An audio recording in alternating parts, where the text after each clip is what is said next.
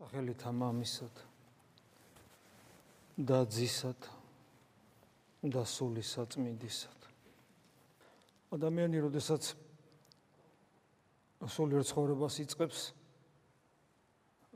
იგი იმ პრობლემებს ნაკლებად ხვდება რა პრობლემების წინაშე შემდგომში დადგება იმიტომ რომ თუ მართლა ქრისტიან და ადამიანი ანუ ისე კი არ მოვიდა რომ ნუ რაღაც გონების ძიებით უბრალოდ ან მოდი აბა ერთი რა ხდება. ყველა დადისთან ჩემი მეგობრები და მეც მივალ. და ასე შემდეგ. ნუ ადამიანი მრავალი მიზეზის გამო შეიძლება ეკლესიაში მოხვდეს. ნუ ზოგადად რელიგიური გზნობები ცალკე თემაა ხო? ამაზე ბევრი გვისაუბრია. არამედ თუ მართლა მის გულს თუ მართლა უფალი შეეხო და თუ მართლა ჭეშმარიტად ქრისტიანული რწმენა დაიწყო მასში. ადამიანი რომ მოდის ეკლესიაში იმდენად არის ახსებული საფრთხო მადლით. ისეთი გამოცდილება აქვს უკვე მიღებული. ცოდნა აქვს. რომელსაც ცნობიერში ბოლომდე ვერ გადაყავს ეს ცნობა რომ რომელიც ცოდნა ცნობიერში ვერ გადაყავს მაგრამ ინტუიციურად ჩინაგანად მან შეიძლება იცოდეს რომ უღმერთობა უქრისტეობა რო ჯოჯოხეთია და ესა საშინელება ოღონ იცოდეს არა კიდევ მეორე რაციონალურად არამედ ჩინაგანად რომელიც უფრო მნიშვნელოვანია ასევე იცოდეს რა ბედნიერება აღმერთთან ყოფნა და როგორი სიხარული აქვს მას და ასე შემდეგ. ეს გომარეობა ადამიანს ეძლევა და სამწუხაროდ მე ხდება ისე, რომ ადამიანი მოდის ეკლესიაში და ჩვენ მას ასეთ ადამიანს ვერაფერს ვასწავლით. არ ვაჩვენებთ მის საკეთებელს და სტიქიურად იწებს რელიგიურ ცხოვრებას და ჯულის აღსრულებას. ჯულის რომელიც უკვე ახალ აღთქმაში პრინციპში აღარ არსებობს. ის ასე ჩვენ ახალ აღთქმაში წეს და კანონს უყურებთ, ეს ის ჯული არ არის, როგორი ჯულითაც ყველა რელიგია არსებობს. ეს არის ეს არის ეკლესიის როგორც ქრისტეს მისტიური სხეულის შესამოსელი. ყველაფერი რაც ხდება ქრისტეს სხეულის შესამოსელია. ეს ის კვართია რომელსაც სისხლდინარე დედაკაცი შეეხო და განიკურნა. ოღონ იმ წმენით შეეხო, რომ ის ვისაც ის კვართი ეცვა, იყო ქრისტე. ამიტომ სისხლდინარე დედაკაცის შემთხვევაში მას კვართის შესამოსლის ფეს რო შეეხო, ამ შესამოსლის იმედი კი არ ქონდა. ვისაც ეცვა იმის იმედი ქონდა. აი ესია, მთელი ახალი აღთქმის წესი და კანონი და ჯული ეს არის შესამოსელი ქრისტეს საიდუმლო სხეულისა ანუ ეკლესიისა. და ეს არის ძალიან მნიშვნელოვანი გვახსოვდეს იმიტომ რომ სამწუხაროდ აი ძველი აღთქმისეული სული ძალიან გადმოდის ხოლმე ახალ აღთქმაში და დღესაც ბევრს გონია რომ ახალი აღთქმის ეკლესიაში არის რა ქრისტიანობა ეს არის ეს ჯული წესი და კანონი რაც ასე არ არის ეს დაახლოებით იგივეა ადამიანზე რო თქვა რომ ადამიანი არის ტანსაცმელი. ადამიანი არ არის ტანსაცმელი. ადამიანი არის ადამიანი. აი როცა ადამიანი მოდის ღვთის მადლით ღმერთს მოყავს და ეძლევა მას ეს ინტუიციური ცოდნა და გამოცდილება ჩვენ თუ მას არ დავანახეთ გზა და არ ვაჩვენეთ ეს სწორი გზა სამწუხაროდ ეს ადამიანი მე რეიკარგება არის ის არის ის რა აკეთოს მხოლოდ გარეგანს მისდევს, იმიტომ რომ ის მხოლოდ აი ამ შესამოსელს ხედავს. მის შიგნით როგორ ეძებოს ცოცხალი ღმერთი არ იცის, იმიტომ რომ ვერ ვეუნებით სად იმყოფება ღმერთი. გესმით, ეს დაახლოებით იგივეა, რომ 2000 წლის წინ ადამიანი მოსულიყო ეკლესიაში, ადამიანი მოსულიყო ჩვენთან 2000 წლის წინ, ჩვენ თუ ქრისტეს მოწაფეები ვიქნებოდით, რელიგიური რელიგიურად ახსებული ღვთისძიების მოსურნე გულზე მადლ შეხებული და ჩვენ დაგვემალა არ გვესწავლებინა და არ გვეჩვენებინა და არ განგვეცხადებინა რომ ღმერთი არა უბრალოდ არის არამედ მოვიდა ადამიანად და მოვიდა არა ზოგადად. არამედ კონკრეტულად აი აქ მოვიდა აგერ და მე გვეჩვენებინა რომ აი ამ სახლში, ამ სოფელში აი აქ არის დადის ქადაგებს და შეგიძლია მიხვიდე და დაელაპარაკო. ხო მოციქულთა საქმე ეს იყო? მათ ადამიანები ქრისტესკენ მიყავდათ. იონ ნათლისმცემლის საქმე იყო ის რომ მათ მას ადამიანები ქრისტ მან ადამიანებს ქრისტესკენ მიანიშნა ანუ გესმით აი ეს პრინციპი რომ ქრისტესკენ მივანიშნო და დავანახო დღესაც დღესაც აქტუალურია უბრალოდ ეს არის ქრისტიანობა და თუ ჩვენ ამას ადამიანს არ გაუკეთებთ მთელი მისი ეს შინაგანი კეთილი აღფრთოვანება რომ მან ღმერთი მის გულმა ღმერთი შეიცნო ეს ყველაფერი სამწუხაროდ მე იკარგება და მე ვღებულობთ იმას ასაც ვღებულობთ სამწუხაროდ. ადამიანები მოსული ღვთისაგან მოსული ადამიანები იკარგებიან. იმიტომ რომ არიციან რა არის წმენა და წლები გადის და არასწორად სულიერი ცხოვრების შედეგად ის წმენაც ხო მინელდება ხოლმე ეგრე იცის ის არის ანთებული სანთელი რომელსაც უნდა სწორი მიდგომა რომ ის მზედ გადაიქცეს როგორც პეტრე მოციქული ამბობს და როცა ეს არ ხდება იმის მინავლებაც იწება. ამასოფლის სული ხო ძალიან აქტიური და აგრესიულია. და ძალიან ხელშესახები ჩვენთვის ეშმაკი მიზან მიმართულად მუშაობს ღმერთი კიდე მოძალადი არ არის და მოგიყვანა და ელოდება რომ შენ რაღაცას გამოფხიზლდები და არც გასწავლიან და არც შენ მაძიებელი არ ხდები და გადის დრო და აღმოაჩენ რომ ამასოფლს გძნობ როგორც სიცოცხლეს და ქრისტეს ვერ გძნობ როგორც სიცოცხლეს და თუ ქრისტეს ვერ გძნობ როგორც სიცოცხლეს როგორც კი მოვა განსასწრელი მაშინ შენ აღარა გაგუნარი მორწმუნეთ დარჩე იმიტომ რომ იწება უიმედობა, დეპრესია, შიში, მოწყენილობა, ჩაძირო ამასოფლის სიამოვნებაში და რწმენა რეალურად იკარგება. ამიტომ როცა ჩვენ საუბრობთ სარწმუნოებრივ საკითხებზე და სიტყვა რწმენა როცა გვესმის, ყოველთვის რა თქმა უნდა საკუთარი თავიდან გამომდინარე უნდა ვისაუბროთ, იმიტომ რომ ყველა ჩვენ ჩვენი გამოცდილება გვაქვს ცუდი თუ კარგი და შესაბამისად უნდა დავინახოთ, ჩავიხედოთ საკუთარ თავში და ჩვენი პრობლემები დავინახოთ და ჩვენი პრობლემები გავაანალიზოთ. და სულ უნდა ვეძებდეთ ჩვენში რწმენის გაცოცხლების შესაძლებლობებს, იმ რწმენისა, რომელმაც ოდესღაც ეკლესიაში მოგვიყვანა.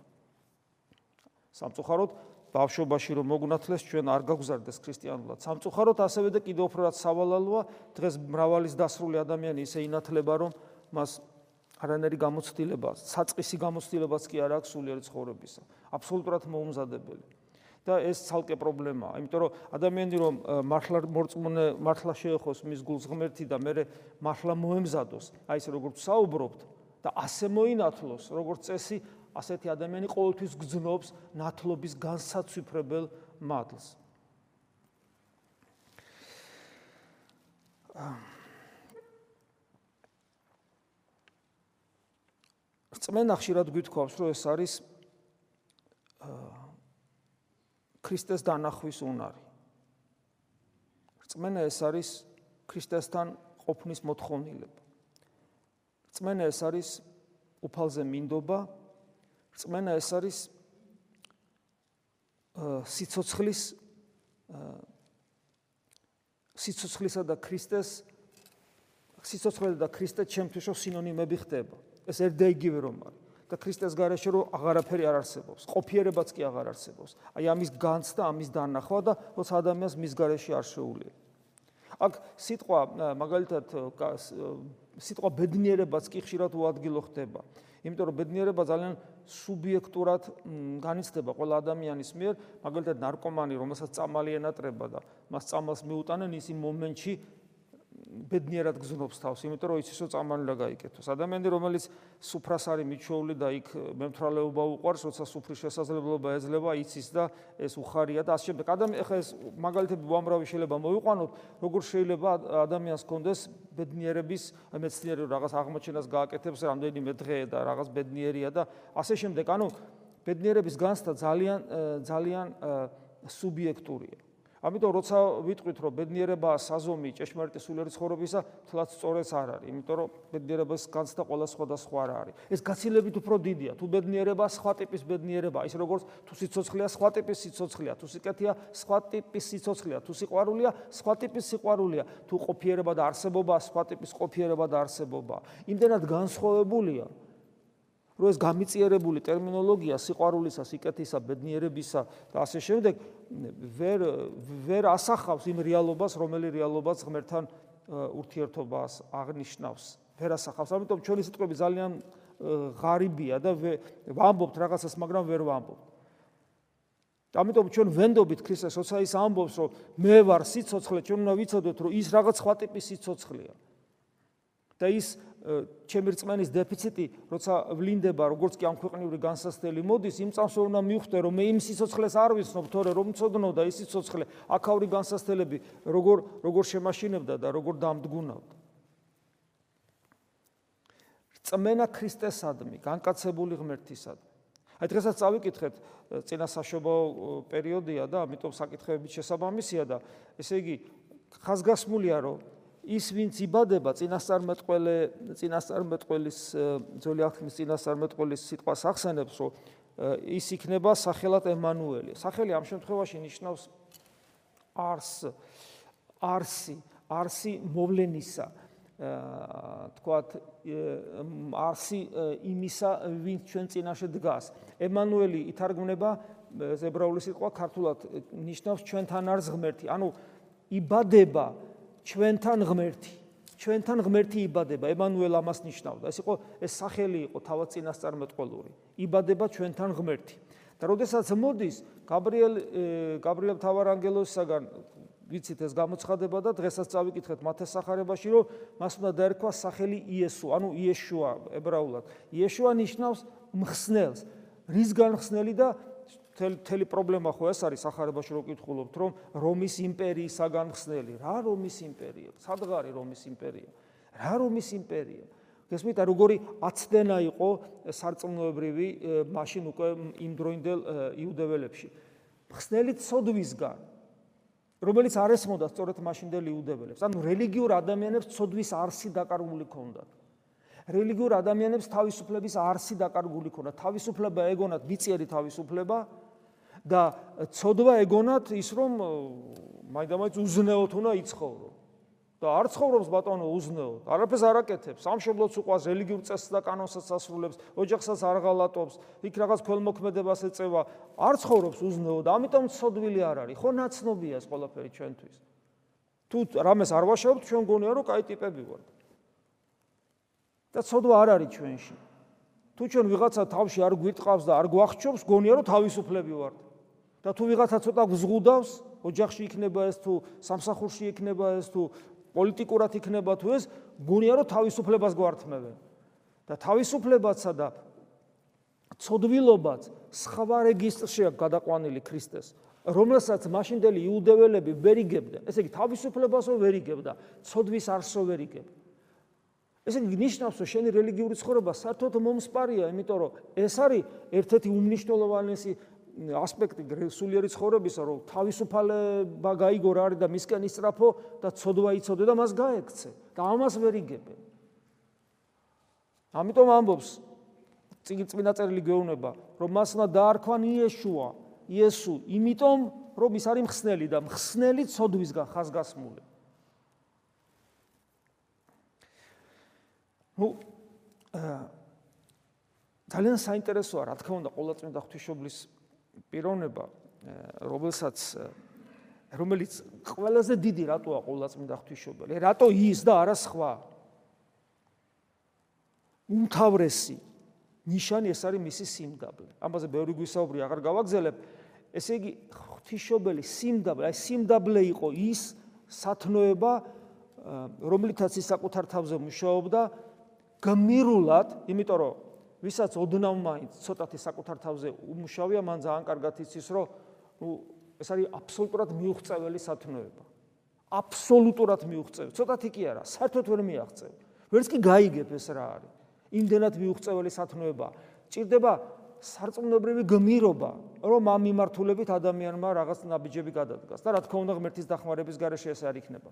ხო და უფალი განჭრեց რა ღვთისმშობლის აი ამ გმირობას, მას წინასწარ მადლს ანიჭებს და უკვე ეხმარება ბავშვობიდან. მაგრამ რაც არ უნდა დაეხმარო ადამიანს, თუ მას ღმერთი ხო სინერგიული პრინციპით მოქმედებს ჩვენთან, ჩვენთან თანამშრომლობს. თუ ჩვენი თანამშრომლობა არ იქნა, ჩვენი წარმატება არ არის და ღმერთი ჩვენ აღარ ჩვენ აღარ გვეხმარება, აზრი არ აქვს. და აი ხედავს რა წინასწარ განჭრეთს რა მის თანამშრომლობას, ღვთისმშობლის თანამშრომლობას სიმდაბლის სათნოებაში, რითაც ისი ღმერთს ემსგავსება და იმდენად დაემსგავსა სიმდაბლით ღმერთს და თანოს უკვე თანამშრომლობით ხდებოდა, იმიტომ რომ ბავშვობიდანვე ღმერთი მასთან თანამშრომლობდა მის გულთან, შეიძლება ასე ვთქვა. იმდენად დაემსგავსა მისი სიმდაბლე ღმერთს, რომ აი ცანი მოიდრიკა შეიძლება ასე ითქვას და ყოფიერების საწყისი, რომელიც არის სრულყოფილი სიმდაბლე, ანუ ღმერთი მასში განკაცდა. მაგრამ აი საინტერესოა იოსების მაგალი, მაპირონება. იოსები რა შემთხვევით ხომ არ არის? ღვთისმშობელი არ არის შემთხვევით შერჩეული როგორც დედა განკაცებული ღმერთისა, არც იოსები არ იქნებოდა შერჩეული შემთხვევით პატრონი ყოვლადწმინდა ღვთისმშობლისა, უმწიკლო პატრონი მართლაც ყოვლადწმინდა ღვთისმშობლისა და განკაცებული ღმერთისა. და იოსების აი ეს თვისება, თვისება, რითაც ის გამორჩეული იქნა სხვა ებრაელებისაგან, სხვა იუდეველებისაგან, იყო რა, რომ ესე იგი, როდესაც იგი შეამჩნევს, რომ დღეს წავიკითხეთ ეს ღვთისმშობელი ორსულადაა და მათ თანაცხოვრება არ აქვთ. ესე იგი, ანუ დანიშნულები არიან. ბუნებრივია შეშფოთდა და ძველი აღთქმის კანონით ამ შემთხვევაში სასკრილო განაჩენი ქონდა მარიამს. სასკრილო განაჩენი. თუ ქმარი იტყოდა რომ ჩვენ დაქორწინებულები არა ვართ და ამას ამას ბავშვი უნდა გაუჩნდეს, სასკრილო განაჩენი ქონდა. ეს იყო ჯულის აღსრულება. და საინტერესო რა არის, რომ და მართალი ადამიანები ძველ აღთქმაში ჯულს ასრულებენ. მართალი თუ ხარ ჯული უნდა აღასრულო. ანუ მართალი თუ ხარ, ესე იგი ეს ჯული უნდა აღასრულოს, ნიშნავს რომ ეს უნდა ჩაიქოლოს. წერია, რომ იოსები მართალი იყო და მე ლოგიკურად მოდის, ამიტომ მას უნდა გაემხილებინა და უნდა ჩაეკოლათ, იმიტომ რომ ჯული აღსრულებული იყო. და საოცარი ისაა, რომ ნახეთ როგორი ბმარი იოსები მართალი იყო და არ უნდოდა ბმაშია მართალი რომ იყო ამიტომ არ უნდოდა რომ გაემხილებინა ეს საიდუმლოება რომ ღვთისმშობელი ორსულათი თითქოს ლოგიკური შეუსაბამო მართალი თუ იყო უნდა გაემხილებინა ჯული აღესრულებინა მართალი იყო და არ უნდოდა ამიტომ გამხელა ეს ცით რას ნიშნავს ამით წინა წერილი მეუნება რომ არსის ჯულისა და მართლ მართლობისა მართალი მართალი ადამიანი არ შემთხვევაში შეიძლება ყოფილიყო ძველი აღთქმის ადამიანი. ოდესაც ჟულზე წინ მასში იყო გულმოწყალება. აი საფრთხო თვისება. და ამით ამით მე მეუბნება რომ ძველი აღთქმის ჟულშიც კი უმთავრესი იყო არა გარეგანი აღსრულება რაღაც წესისა და კანონისა რომელიც ღვთისაგან იყო ეს წესი და კანონი ღვთისაგან იყო არამედ გულმოწყალება. რაღა უნდა თქვა დღეს ჩვენ ქრისტიანებს, ოდესაც სამწუხაროდ ეს ფანატიზმის ელემენტები არის ხოლმე ჩვენში და როცა წინ დგება შესამოსელი და კანონი ახალი აღთქმის ეკლესიის ეკლესიის შესამოსელი შეიძლება ასე ვთქვათ რომელიც ჯული და კანონი ახალი აღთქმისა წინ დგება ვიდრე გულმოწყალება ვიდრე ვიდრე სიყვარული და ზრუნვა და ფაქიზი დამოკიდებულება ადამიანისადმი. ასე რომ რწმენა რწმენა ძველ აღთქმაშიც კი პრინციპში გასაგები იყო და თუნდაც ის ადგის ორი მთავრესი მცნება ღვთის სიყვარული და ადამიანის სიყვარული ყოველგვარი ჯულის გარეშე წერია ეს ორი მცნება მოცემული და მით უმეტეს დღეს. ამიტომაც ჩვენ ყოველთვის საძიებელი გვაქვს ჩვენ რომ გვწამს, რა გვწამს. თუ გვწამს, როგორ გვწამს და რამდენად შევინარჩუნეთ ის წმენა, რომელმა ჩვენ ოდესღაც ეკლესიაში მოგვიყანა და აქ დაგვადგინა. როგორ უფრთხილდებით ჩვენ მას, როგორც ჩვენ სულში ანთებულ საანთელს. როგორ რას ვაკეთებთ იმისათვის, რომ იგი მზედ გადაიქცეს. აი დღევანდელ 60 კულოში და რას ვაკეთებთ იმისათვის, რომ ჩვენ ქრისტე, რომელიც ჩვენმა გულმა ინტუიციურად ღვთის მოწყალებით შეიგძნო და შეიმეცნა, რომ ჩვენ მას ვეძებდეთ და ისე ჩავჭიდოთ ხელი, რომ იგი ჩვენგან აღარ წავიდეს. აა დღევანდელ 60 ქულეში ეს ერი ებრაელთა მიმართ ეპისტოლე მე-11 თავი ისევ წვენაზეა საუბარი და რამდენიმე ნიუანსი აქვს, რომელიც ასევე გამოგვადგება ჩვენ სარწმუნოებრივ ცხოვრებაში. აი ასეთ რამეს ვკითხულობ, მე სრულად არ წავიკითხავ, რა თქმა უნდა, რამდენიმე მუხს შემცირებულად. რწმენით შეეხიზნა აღთქმულ ქვეყანას ა ブラ ამზეა საუბარი. ისე ვით უცხოს და მკვიდრობდა კარვებში ისააკსა და იაკობთან. იმავე აღთქმის თანამემკვიდრებთან ერთად. ამაზე ხშირად გვისაუბრია, რომ კარვებში რატო ხო სიმბოლოა კარავი ეს განმარტება ესეთია. აღთქმული ქვეყანა მისცეს, მაგრამ დადიან მაინც, მოძრაობენ. ანუ ერთ ადგილას გაჩერებულები არ არიან. ეს და კარვებში ცხოვრობენ. ეს არის სიმბოლო, სიმბოლოა ეს იმისა, რომ ისინი მარადულს ეძებენ და არა მიწაზე დროებით. ვინაიდან ელოდა ქალაქს, ანუ კარვებში დადი, კარვებში ცხოვრობდა და მოძრაობდა. როგორც უცხო, უცხო მკვიდრობდა. ღმერთ ნახეთ აღთქმულ ქვეყანაში შევიდა ღმერთი ეუბნება რომ ეს ქვეყანა შენთვის მომიცია მაგრამ იქ ცხოვრობს ვითარცა უცხო. აი ჩვენ რო გვაქვს? ჩვენი სამშობლო გვაქვს მიწიერი. ჩვენი სახლები გვაქვს უმრავლესობას ხო? ჩვენია ჩვენოთ ეს ჩვენია. აი ესეა. პიტაპირ ღმერთი მეუბნება. აი ეს ღმერთი ეუნება აბრამს, აი ეს შენია, შენ აქ იცხოვრებ, შენი მიწა, შენთვის მომიცია, მაგრამ ის ცხოვრობს ვითარცა უცხო. რა საოცრებაა, ნახეთ როგორ არის. რატომ ვინაიდან ელოდა ქალაქს, რომელიც მткиცე საძირკველზე დგას? ანუ ეს არ არის მткиცე საძირკველი, ამ ქვეყნიური ცხოვრება. რომლის ხუროთმოძღვარი და მშენებელიც არის ღმერთი. ღმერთისაგან აშენებულ ქალაქს ელოდები. აი ეს არის წმენა რომელიც ძალიან ძალიან გვაკლია და ამიტომაც რწმენა, რწმენის ერთ-ერთი განმარტება კიდევ ერთხელ და კიდევ ერთხელ ეს არის სწრაფვა ნამდვილი მარადიული სიცოცხლისკენ. ანუ ცოცხალი ღმერთისკენ. თუ ეს სწრაფვა მუდმივი არ არის ჩვენში და როცა არ არის ჩვენი დროს მორწმუნეები არა ვართ. ამიტომაც არის აი ოდესაც ჩვენ მოვიწყენთ ხოლმე, მოვიწყენთ ხოლმე და რაღაცა რო გვაკლია და რაღაცა აი ყურებს ჩამოუყრით და რაღაც 1000 რამ 1000 რამ ხდება ისეთი რომელიც ჩვენ მოწყენლობას ჩვენს დეპრესიულ განწყობას ყვებავს იმ მომენტში იმ მომენტში ჩვენ ხო არ გვახსოვს რისთვის ავართ მოვლენილი ამ ქვეყანაზე. როგორ შეიძლება ადამიანმა მოიწყინოს როცა ის ღმერთისაგან შექმნილ ქალაქში დამკვიდრებას ელოდება, როცა ის სოციის მოქალაქეობისაკენ ისრაფის. ფათაშორის სულის თვისებები, ჩვენ ხო ვიცით ხორცს თავის თვისებები აქვს, ხო? სულის ერთ-ერთი თვისება ეს არის მუდმივი სწრაფა მარადიული სიცოცხლისკენ, ანუ ცოცხალი ღმერთისაკენ. ეს არის სულის თვისება. სულიერ ცხოვრების ერთ-ერთი გამოვლინება. რწმენით შესწირა ა ブラ ამა გამოცდის ჟამს ისააკი.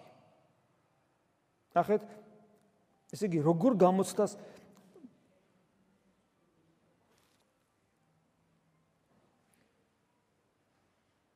ბოლომდე რწმენა მაინც ლოგიკას არ ემორჩილება.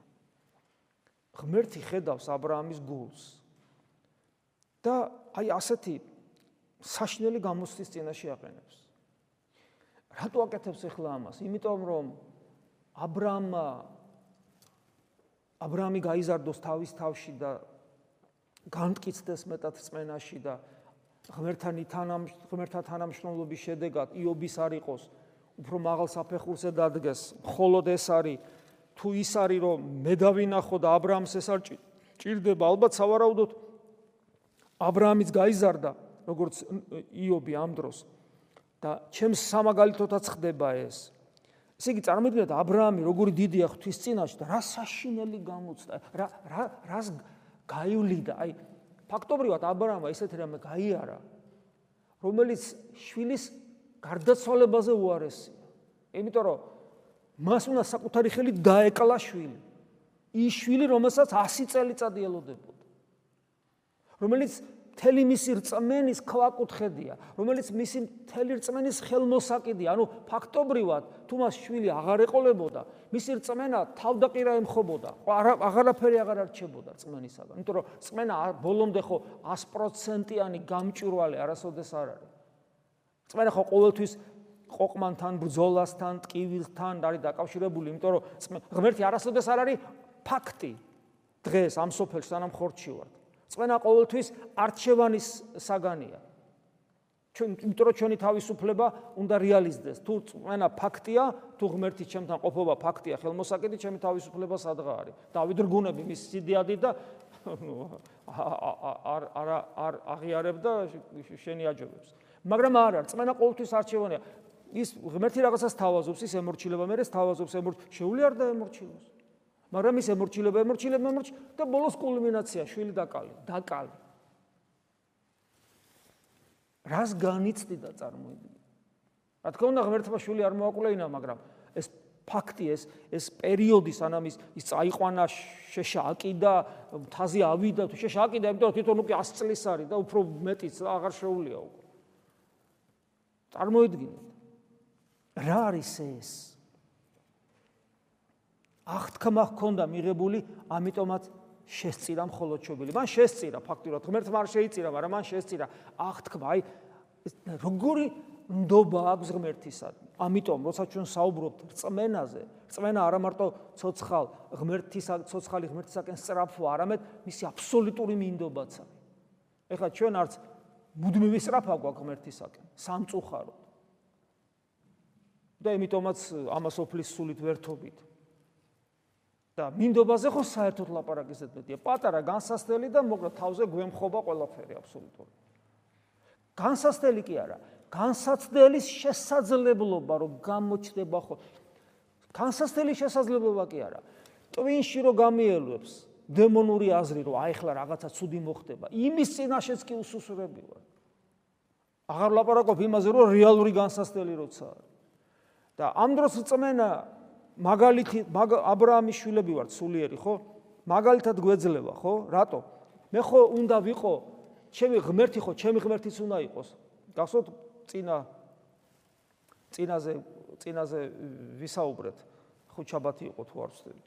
რომ ღმერთი ამბობს რომ მე შენი ღმერთი ანუ თეოდორეს ღმერთიც უნდა იყოს, თქვენი ღმერთიც ხო უნდა იყოს? ამაზე გვესაუბრება. რის მაგალითად, და როგორც აბრაამის ღმერთია. მე ვარ ღმერთი აბრაამისა, ისააკისა, იაკობისა. როგორც აბრაამის, ისააკის და იაკობის ღმერთია, იმიტომ რომ მათთან აღთქმა დადო, რადგან მან სისხლი დაღვარა განკაცებულმა ღმერთმა და ახალი აღთქმა დააფუძნა და ეს არის სისხლი ახლისა აღთქმისა თქვენთვის და მრავალთათვის დანთხეული, ამიტომ ის ჩემი ღმერთიც გახდა. და ჩემი ღმერთი თუა ეს ნიშნავს, რომ მე აბრაამისეული დამოკიდებულება უნდა მქონდეს მის მიმართ. ეს ნიშნავს აბსოლუტურ მინდობას და სამაგალითოდ აგერ აბრაამი მყავს. რომელსაც რომელსაც აბსოლუტური ნდობა, აი მე არ ვიცი, რამე შეიძლება ადამიანმა მოიფიქროს უფრო მაგრა, რომ გამოხატოს ნდობა ღმერთისადმი. აბსოლუტურად წარმოუდგენელია. გამორი არვერნაირი ფანტაზია არ ეყოფა, არანაირი ფანტაზია არ ეყოფა ადამიანს, რომ მოიგონოს უფრო მეტად, როგორ შეიძლება ადამიანი ნდობა ღმერთისადმი გამოვლინდეს, ამაზე უფრო მეტად. ამიტომ ნდობა ცოცხალი ღმერთისადმი, სრული მინდობა, ეს არის აუცილებელი პირობა ჩვენი ნამდვილი წმენის. რომელიც ჩვენ არა გვაქვს. არა გვაქვს მუდმივი მუდმივი სწრაფა ცოცხალი ღმერთისაკენ, არა გვაქვს მინდობა ღმერთისაკენ, ღმერთისადმი. შემდეგი ამონარიდი ესეთი არის: წმენით ამარცხებდნენ სამეფოებს, აღასრულებდნენ სიმართლეს, ძლიერდებოდნენ უძლურებისაგან. ლოგიკა ნახეთ არ არის. ანტინომია, უძლურება, ძლიერება. ეწამებოდნენ და უარს ამბობდნენ გამოხსნაზე. აქაც ფაქტობრივად აი ჯვარცმული ავაზაკის მაგალითი კი არ თხოვსო გადამარჩინეო. სასופელში მომიხსენე. რათა გამختارიყვნენ უკეთესი აღდგომის ღირსნი. აღდგომის აი დღეს კი არ გადამარჩინე ეხლა, არამედ მე სხვა რამე მინდა, ეხლა არ მინდა, სხვა რამე მინდა. დაითმინეს გმობა გვემა სხვებმა ბორკილები და დილეგი იყვნენ ჩაქოლნილნი შუაზე გაღდახერხილნი ხმლით განგმირულნი ცხრისა თუ თხის ტყავებით მოარულნი, გაჭირებულნი, ურვილნი, ძვირხილულნი, რომელთა ღირსიც არ იყო მთელი ქვეყანა. ყოველ მათგანს კეთილი მოწმობა ჰქონდა თავისი წმენის წყალობით. ანუ ეს ამნარიდია იმ ეპისტოლედან, რომელიც დღეს წამოვიკითხეთ. აქ ხედავთ განსაცვიფრებელ გმირულ სულს. ანუ მორწმუნე ადამიანებს ქონათ საოცარი გმირული სული. და მათ ჰქონდათ მოწმობა თავისი რწმენის წყალობით. ანუ ისინი ისეთი რწმენა ჰქონდათ, ისინი ამოწმებდა, რას ამოწმებდა, რას ამოწმებს ადამიანი. მოწმობს, რას მოწმობს. რო ღმერთი არის.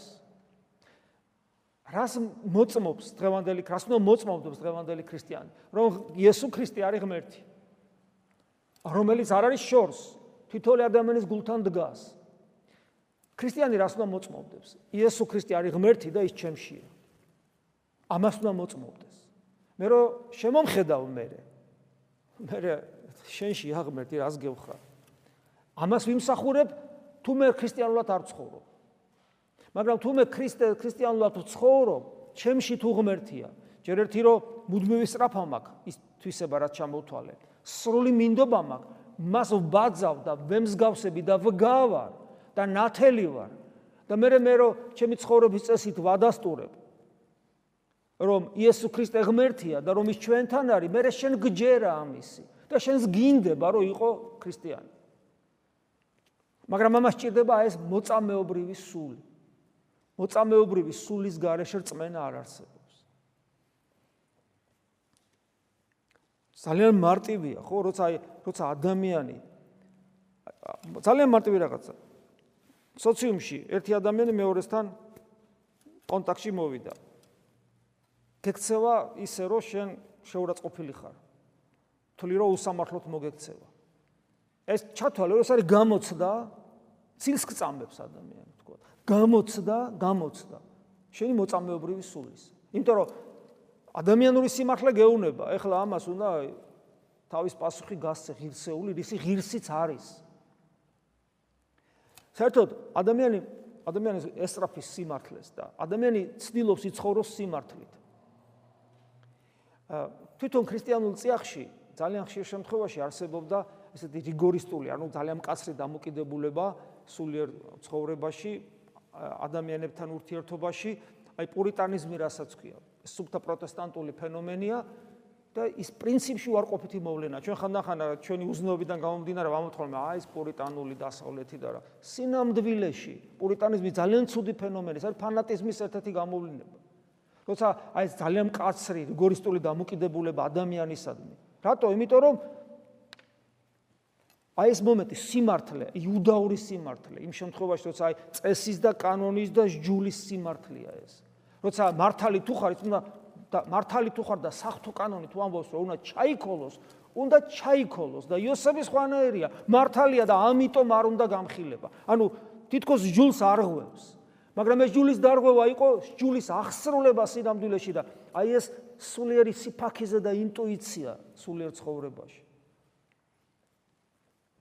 და აი ამის საწინააღმდეგო არის საკუთარი სიმართლით გაზომა ყველაფრის აბსოლუტურად. ჯო ბარ სიმართლე ხო ეს არის?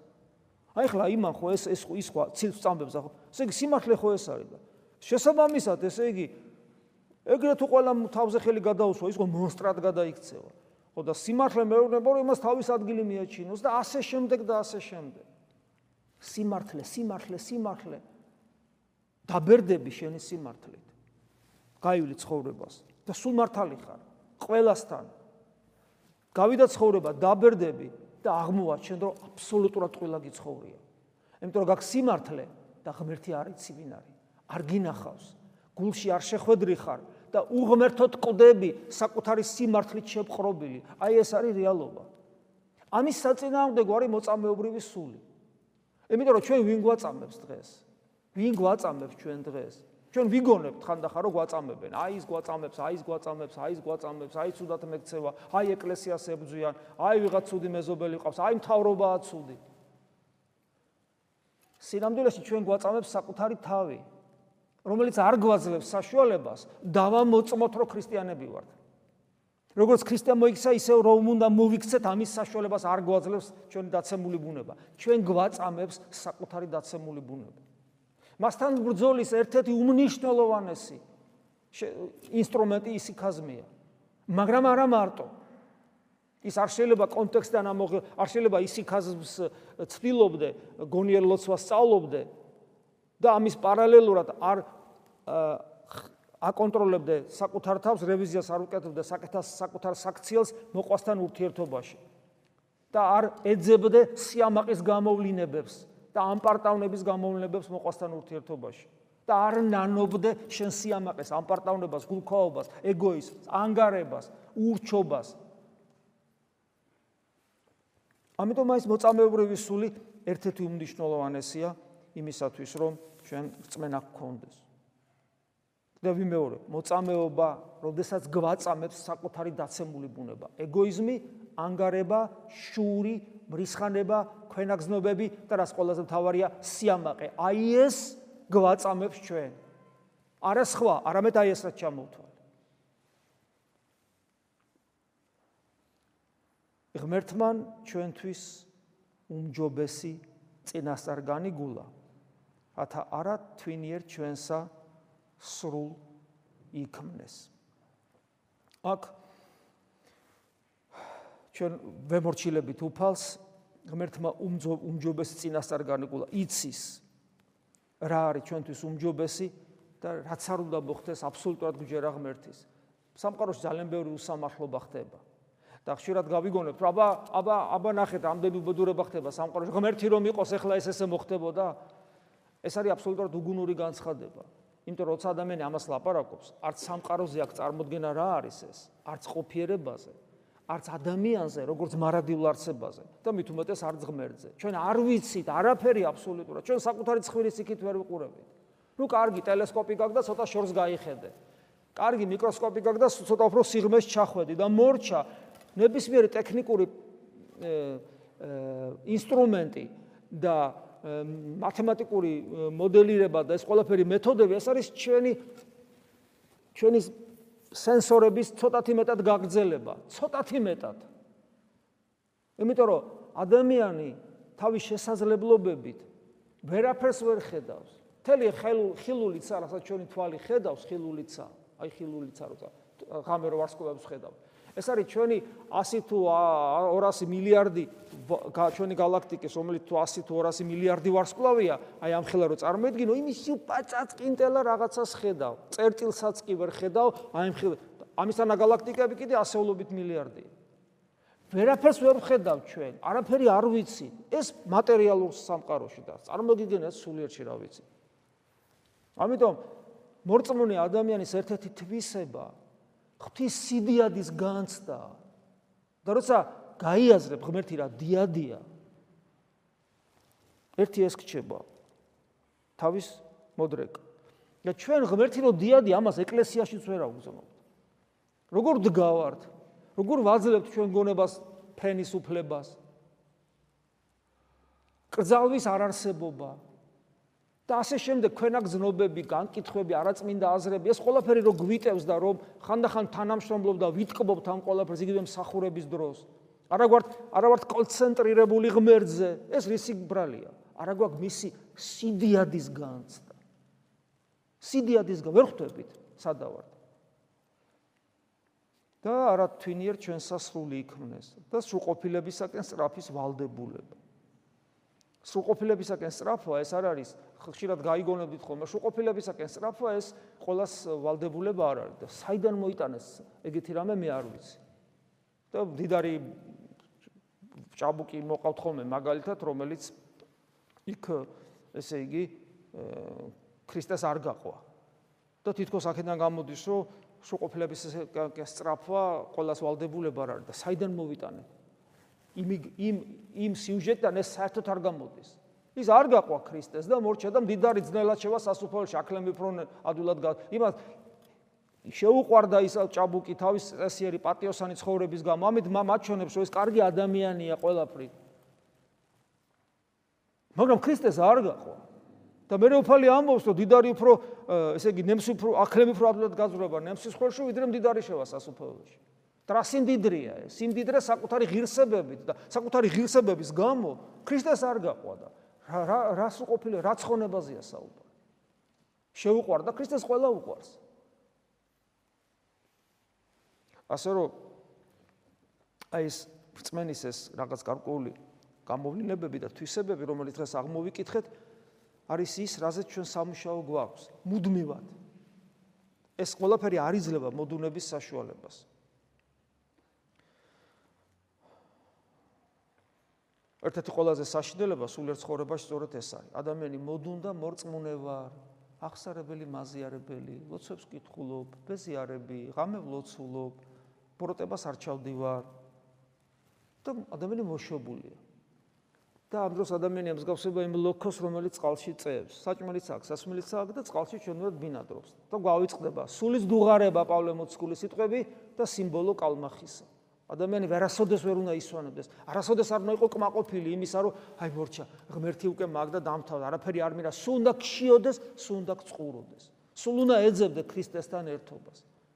ეს არის ქრისტიანობა, მაგრამ აი ეს რაც ჩამოთვალე, ეს ეს სულის დუღარება და ეს ეს მუდმივი მუდმივი დაუკმაყოფილებლობა და მუდმივი ბრძოლა საკუთარ თავთან სინამდვილეში რთული კი არ არის. სინამდვილეში ალამაზებს ჩვენ ცხოვრებას, საინტერესოს, დიახაც რომანტიულსაც კი ხდის თქვენ წარმოიდგინეთ. იმიტომ რომ ამ ყველაფერს ერთად შეიძლება დავარქვათ ერთი სიტყვა. ეს არის ღვთის სიყვარულის სწავლა. რომელიც ბუნებრივია ძალიან გაალამაზებს ჩვენ ცხოვრებას. მადლი უფლისა ჩვენისა იესო ქრისტეს და სიყვარული ღვთისა და მამისა და ზიარება სული საწმინდისა იყოს თქვენ ყოველთა თანა.